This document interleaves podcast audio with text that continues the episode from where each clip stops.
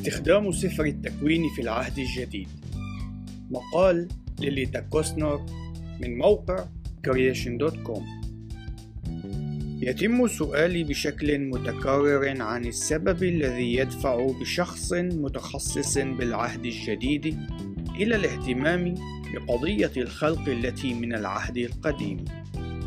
إذ أن رؤية الشخص عن أول إصحاحات سفر التكوين ليست أكثر من أمر ثانوي عند تفسيره للعهد الجديد. إلا أنني أعتقد أن تفسير المرء لسفر التكوين يمتلك تأثيرا على العديد من التعاليم التي يتم تقديمها بشكل واضح في العهد الجديد. بداية إن الرؤية التي يمتلكها دارس العهد الجديد والمختصة بسفر التكوين مهمة لأن سفر التكوين كان مهما بالنسبة لكتاب العهد الجديد. إذ أن جميع كتاب العهد الجديد قد اقتبسوا من سفر التكوين أو أشاروا إليه. إن العهد الجديد يتضمن ستين تلميحا إلى الإصحاحات الإحدى عشر الأولى من سفر التكوين على وجه الخصوص. وحين نقوم بتمديد هذا البحث ليشمل كامل سفر التكوين فإن العدد الإجمالي للإشارات سيرتفع إلى 103 بالنسبة إلى كتلة العهد الجديد الأدبية الصغيرة نسبيًا فإنه يحتوي على مقدار مذهل من الإشارات التي تعود إلى سفر التكوين. إلا أن عملية تقديم مجرد قائمة من الإشارات التي تعود إلى سفر التكوين لن تثبت أي شيء. إذ يجب علينا أن ننظر إلى الكيفية التي استخدم فيها كتاب العهد الجديد سفر التكوين وذلك في سبيل تمييز رؤيتهم له. لقد تم الافتراض بشكل ساحق أنه مستند تاريخي. إن المكان الوحيد الذي يمكن أن يتم تقديم حجة بإمكانية ألا يكون قد تم استخدامه بشكل تاريخي بالضرورة هو في استعارة رموز العدنية في سفر الرؤيا حيث يتم وصف أورشليم الجديدة وهذا الأمر يرتبط بالرؤية التي يتبناها المرء بخصوص علم الأمور الأخيرة أي إسكاتولوجي. إلا أن هذا هو الاستثناء. وفي جميع الأحوال إن الاستخدام الرمزي في الكتابة يحمل حقيقة حرفية.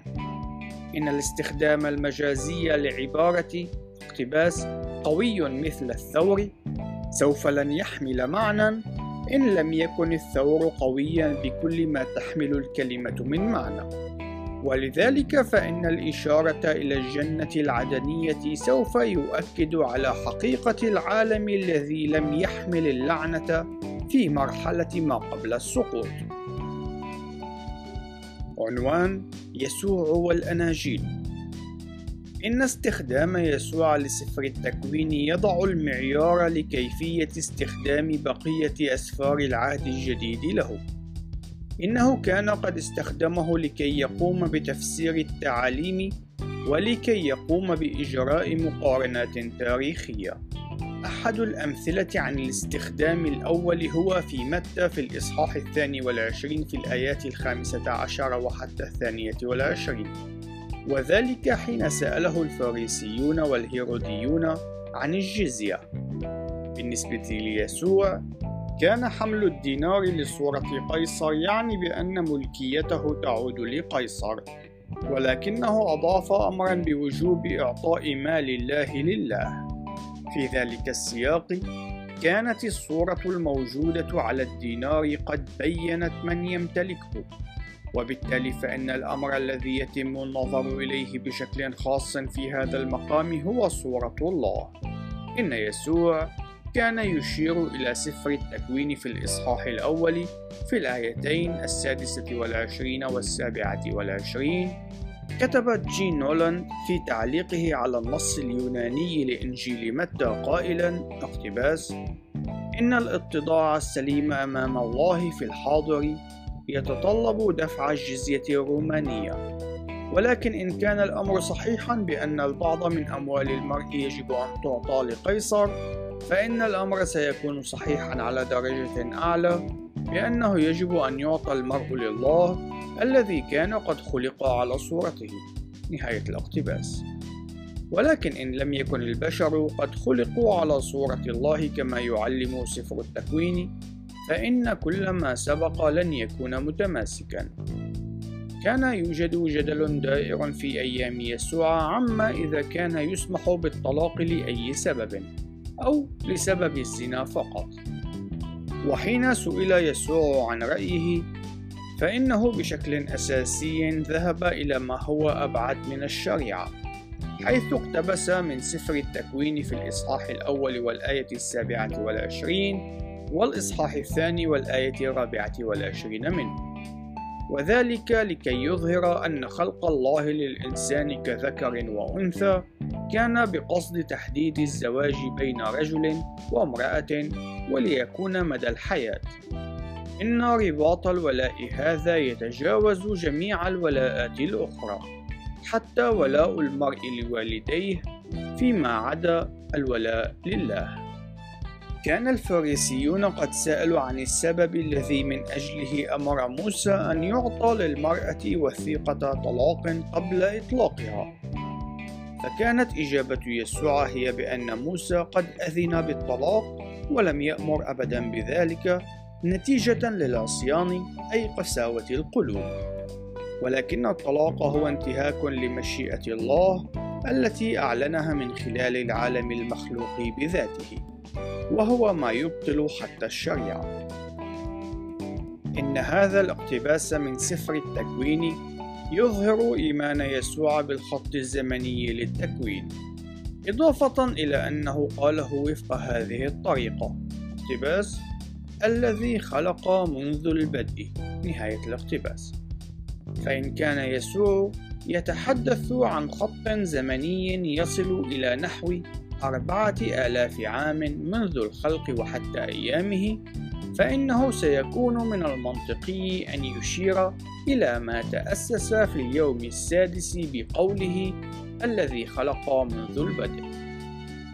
ولكن لن يكون للإشارة إلى بدء الخليقة أي معنى فيما لو أنه قد وجد عدة ملايين من السنوات قبل خلق الإنسان. إن يسوع قد قام بشكل متكرر بمقارنة الأشخاص المعاصرين بشخصيات من سفر التكوين.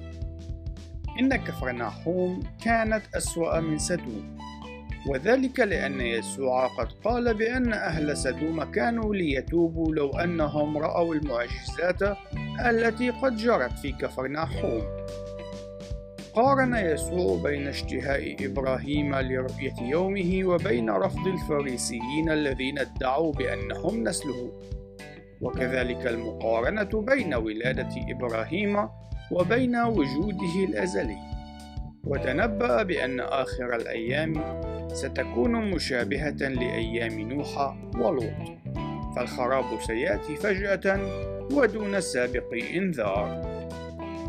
في كل حالة من الحالات السابقة لا يوجد أي إشارة إلى أن يسوع كان يتكلم عن هذه الأحداث عدا عن كونها أحداثا تاريخية. كان لوقا مؤرخا بارعا، وقد قدم لنا الإنجيل الذي دونه تفاصيل تاريخية ثمينة تفوق الأناجيل الأخرى. إن لوقا كان ينظر إلى حياة يسوع وخدمته على أساس أنها متجذرة في التاريخ. وفي الوقت الذي نجد فيه أن سلسلة النسب التي في إنجيل متى كانت قد أبرزت يهودية يسوع وأحقيته بعرش داود. فإن سلسلة النسب التي دونها لوقا في الإصحاح الثالث تذهب إلى ما هو قبل أي إلى آدم الذي دعي ابن الله. وليس إلى ابن مخلوق شبيه بالقردة أو غثاء قذر. لا يوجد أي دليل يشير إلى أن لوقا قد تعامل مع الأسلاف الأقدم بطريقة أقل تاريخية من الأسلاف الأقرب. إن إدراجه للسلسلة الممتدة من آدم إلى إبراهيم في سلسلة النسب يؤكد تاريخية تلك الشخصيات، ويقوم بتحديد المسيح على أنه قريب لكل البشرية. ما يثير الاهتمام هو أن أكثر الأناجيل تاريخية يتضمن أكثر الإشارات إلى سفر التكوين. وهنا لا بد من الإشارة إلى أننا حين نقول أكثر الأناجيل تاريخية فإننا نتحدث عن توافقه مع الأعراف التقليدية للكتابات التاريخية القديمة. الأمر الأكيد هو أن جميع الأناجيل هي تاريخية من ناحية نقلها للأحداث الحقيقية التي وقعت. إن إنجيل يوحنا هو الأكثر لاهوتية بشكل علني من حيث أنه يقوم بوضع تعليقاته على معاني الأحداث التي يدونها عوضا عن تسجيل سجل النسب المشابه للوقا ومتى يرجع يوحنا إلى الخلق في بداية إنجيله. يقول دي اي كارسون في تعليقه على إنجيل يوحنا اقتباس في الآيات من الأولى وحتى الخامسة من الإصحاح الأول يقوم يوحنا بتتبع سرده عن يسوع رجوعا إلى ما يسبق بداية خدمته إلى ما يسبق الولادة العذراوية إلى ما يسبق الخليقة ذاتها. لابد أن السرد يعود إلى الكلمة الإلهي الأبدي الوسيط الإلهي للخلق وينبوع الحياة والنور. نهاية الاقتباس. إن افتتاحية إنجيل يوحنا التي تقول في البدء تشير دون أي غموض إلى الآية الافتتاحية لسفر التكوين.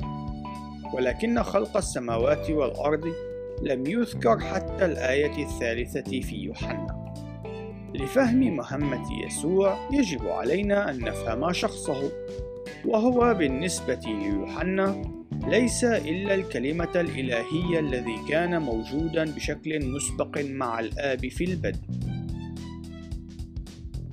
عنوان تبشير الكنيسة الأولى حين قام الرسل والمسيحيون الأوائل بتبشير الجمهور اليهودي كان من الواضح أن تبشيرهم بني على أساس الأسفار المقدسة اليهودية والتاريخ اليهودي والوعود الإبراهيمية والداودية. ولكن حين بشروا الأمم الذين لم يمتلكوا المعرفة عن الأسفار المقدسة اليهودية فإنهم قد انطلقوا من الخلق كأساس لتبشيرهم. لقد تعاملوا مع الخلق ونسب جميع الناس إلى آدم على أساس أنها حقيقة. وكانت تلك هي الأساسات التي انطلقوا منها لإعلان الإنجيل. عنوان رسالة روميا. إن الخلق والسقوط يشكلان النسيج الأساسي لكامل اللاهوت الذي في رسالة روميا. قوة الله قد ظهرت من خلال الخليقة والناس يقبعون تحت الدينونة لعدم تمييزهم لذلك الأمر.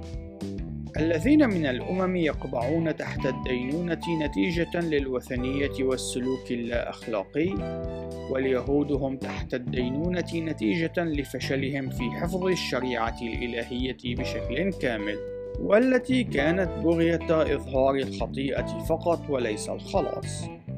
بعد أن قام برسم صورة قاتمة للغاية قام بولس بمقارنتها ببشارة المسيح. فنقرأ في الآيتين الحادية والعشرين والثانية والعشرين من الإصحاح الثالث. اقتباس وأما الآن فقد ظهر بر الله بدون الناموس مشهودا له من الناموس والأنبياء بر الله بالإيمان بيسوع المسيح. إلى كل وعلى كل الذين يؤمنون. نهاية الاقتباس. إن بولس يقوم بإيضاح كيف أن يسوع كان تقدمة من أجل الخطيئة. ولكن حين يقوم بولس بتفسير كيف يمكن لذبيحة رجل واحد أن تجعل الكثيرين أبرارا فإنه يعود رجوعا إلى سفر التكوين والسبب هو أنه نتيجة لدخول الخطيئة من خلال إنسان أي آدم. فإن هبة البر يجب أن تأتي أيضا من خلال رجل واحد أي المسيح. هذا ما يرد في الآيات من الثانية عشر وحتى الحادية والعشرين من الإصحاح الخامس. تمتلك هذه المقارنة أهمية خاصة لتمييز كيفية استعمال بولس لسفر التكوين. لأن بولس لا يقارن ببساطة بين آدم والمسيح بل بالحري يقارن بين آثار أعمال آدم على الجنس البشري وبين آثار أعمال المسيح. ولكن بولس لا يقوم أيضا بمجرد إجراء مقارنة بين أعمال الاثنين أي آدم والمسيح. لم يكن المقصود إجراء مقارنة بين أمرين متماثلين تماما إنما كان ذلك طريقة للإضاءة على كل من الأعمال الرديئة والأعمال الصالحة ونتائجها. إن بولس يجادل بأن هذين الاثنين كانا قد قاما بأعمال أثرت على جميع من أتوا بعدهم. خطيئة آدم قد أثرت على جميع أولئك الذين أتوا من نسله وطاعة المسيح قد أثرت على جميع من آمنوا به إلا أن الشخصيات التاريخية والأحداث التاريخية وحدها القادرة على امتلاك تأثير حقيقي على العالم. إن آدم الأسطوري الذي قام بالعصيان والذي يقدم مجرد رمز للإنسان الخاطئ لا يمكن أن يكون نموذجا عن المسيح. في الإصحاح الثامن من رسالة روميا يعلم بولس بأن البشرية ليست وحدها في خضوعها للبطل بسبب خطيئة الإنسان بل كل الخليقة وهي جميعا تنتظر التحرر من قيود الفساد. بصرف النظر عن رؤيتهم لسفر التكوين يتفق المفسرون على أن بولس قد آمن بأن الله هو من أخضع الخليقة للفساد عند السقوط. عنوان الرسالتين الأولى والثانية إلى أهل كورنثوس إن رسالتي كنيسة كورنثوس تقدمان أمثلة جيدة عن طريقة استخدام بولس للأسفار المقدسة في أثناء كتابته للكنائس التي من الأمم. ليس بالأمر الغريب أن نجد بولس يشير إلى ترتيب الخلق في الكثير من المرات. كان من الواجب على الكورنثيين أن يمتنعوا عن ممارسة الجنس المحرم لأنه ليس من اللائق أن يتحد جزء من جسد المسيح مع الزنا. كان الاستناد الوحيد الذي استخدمه ليدعم حجته هو اقتباس من سفر التكوين في الإصحاح الثاني في الآية الرابعة والعشرين. فيما يختص بتغطية الرأس في أثناء خدمة التمجيد والتي لا يبدو أنها مرتبطة بالخلق نجد أن بولس قد أشار إلى ترتيب الخليقة فآدم قد خلق أولا ومن ثم حواء وذلك في دفاعه عن إقراره بوجوب صلاة وتنبؤ الرجال ورؤوسهم مكشوفة. ووجوب تغطية النساء لرؤوسهن في الصلاة والتنبؤ إلا أن أهم استخدام من استخدامات بولس لسفر التكوين دون أدنى شك هو في الإصحاح الخامس عشر من رسالته الأولى إلى أهل كورنثوس وذلك حين دافع بولس عن القيامة الجسدية للأموات. كان جدله مشابها للجدل الذي قدمه في الإصحاح الخامس من رسالته إلى أهل روميا وهو أن آدم والمسيح يشكلان رأسان للبشرية فالموت قد أتى إلى العالم من خلال خطيئة آدم والقيامة أتت من خلال المسيح. ولأن المؤمنين هم للمسيح فإن المؤمنون سوف يقومون ولأن المسيح قام كإنسان فإننا نستطيع أن نكون على ثقة بأن قيامتنا ستكون مثل قيامته. إن القيامة لن تكون قيامة مختلفة نتيجة للاهوته. ومن جديد يتم القول بأن حالة البشر تنجم عن الأعمال التاريخية للأشخاص الحقيقيين الذين أثروا بالفعل بأولئك الذين أتوا بعدهم. كان بولس يستخدم ذلك النوع من الاحتجاج للدفاع عن القيامة التي هي أهم عقائد الإيمان المسيحي وهي العقيدة التي يقول بولس أننا دونها سنكون دون رجاء. عنوان الكتابات البولسية الأخرى إن رسائل بولس الأخرى مليئة بالإشارات إلى سفر التكوين والغالبية العظمى من تلك الإشارات تتحدث عن واقعية سفر التكوين وحقيقة أن الله هو الخالق. إن هذا الأمر متكرر في مختلف السياقات، مع تعليم عملي عن الكيفية التي يتوجب على الكنيسة أن تسلك وفقها. عنوان الرسالة إلى العبرانيين إن الرسالة إلى العبرانيين قد كتبت لجمهور اليهود المسيحيين الذين يواجهون ضغوطا اجتماعية تهدف إلى جعلهم ينكرون إيمانهم ويعودوا إلى اليهودية. إن رؤية كاتب الرسالة تقول أن مقايضة المسيح مقابل الحصول على القبول الاجتماعي ستتسبب بنتائج أبدية كارثية.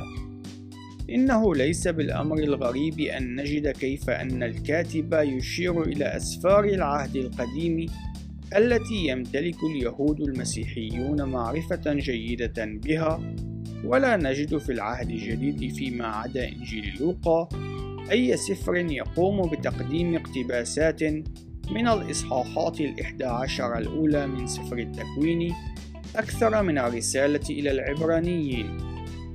يتم مقارنة الراحة التي ينالها المؤمنون المحفوظون براحة الرب في اليوم السابع وكذلك بالراحة التي وعد بها الشعب العبراني عند خروجه من مصر. يشير الكاتب إلى يسوع بوصفه رئيس الكهنة الذي يقدم الشفاعة أمام الآب من أجلنا. ولكن يسوع هو من سبط يهوذا وليس من سبط لاوي الكهنوتي. والأمر الأكيد أنه ليس من نسل هارون وهو الذي يجب أن يأتي منه جميع رؤساء الكهنة اللاويين. إن الكاتب يؤكد على أن يسوع هو رئيس كهنة على رتبة جديدة وهي التي تم تقديمها من خلال الشريعة الجديدة. وهذه الرتبة هي رتبة ملكي صادق. يشير الكاتب إلى الشخصية الغامضة في سفر التكوين في الإصحاح الرابع عشر وهي التي تمت الإشارة إليها مرة واحدة في المزمور العاشر بعد المئة في الإصحاح الرابع وذلك لتبرير دور يسوع كرئيس للكهنة. إن الإصحاح الحادي عشر من الرسالة إلى العبرانيين يسرد لنا أسماء كل من قابيل وأخنوخ ونوح. وهي الواردة في الإصحاحات الإحدى عشر الأولى من سفر التكوين. يذكرهم على أنهم أبطال الإيمان وذلك دون أي تلميح إلى أنهم أقل تاريخية من بقية الأسماء الواردة في اللائحة. كما هو الحال في الإصحاح الثالث من إنجيل لوقا فإن الكاتب ينتقل بين الإصحاحات الأحد عشر الأولى من سفر التكوين إلى بقية الكتاب المقدس دون أدنى إشارة أو تلميح إلى أننا ننتقل الآن من الرمزية أو الأسطورية إلى التاريخ. عنوان رسائل بطرس إن رسائل بطرس الرسول تظهر إيمانا راسخا بتاريخية سفر التكوين. في رسالة بطرس الأولى نجده يؤكد على كون ثمانية أشخاص فقط هم الذين حفظوا على متن الفلك. وفي رسالة بطرس الثانية يقول بأن الملائكة الذين أخطأوا أرسلوا إلى أعماق هاوية الظلام أو الجحيم. وذلك في ارتباط وثيق مع الطوفان الذي كان دينونة على الفجور الذي كان على الأرض حيث حفظ نوح وعائلته في الفلك.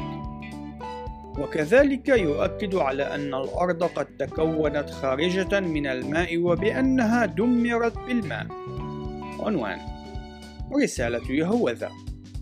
ينظر عموما إلى رسالة يهوذا على أنها قريبة إلى درجة كبيرة من رسالة بطرس الثانية. يوجد في هذا السفر القصير الذي يتكون من إصحاح وحيد أربعة إشارات إلى سفر التكوين. وكما هو الحال بالنسبة لرسالة بطرس الثانية فإن رسالة يهوذا تشير إلى الملائكة الذين أخطأوا ولكن في هذه المرة يوجد ارتباط وثيق بالانحرافات الجنسية الغريبة التي لأهل سدوم وعمورة.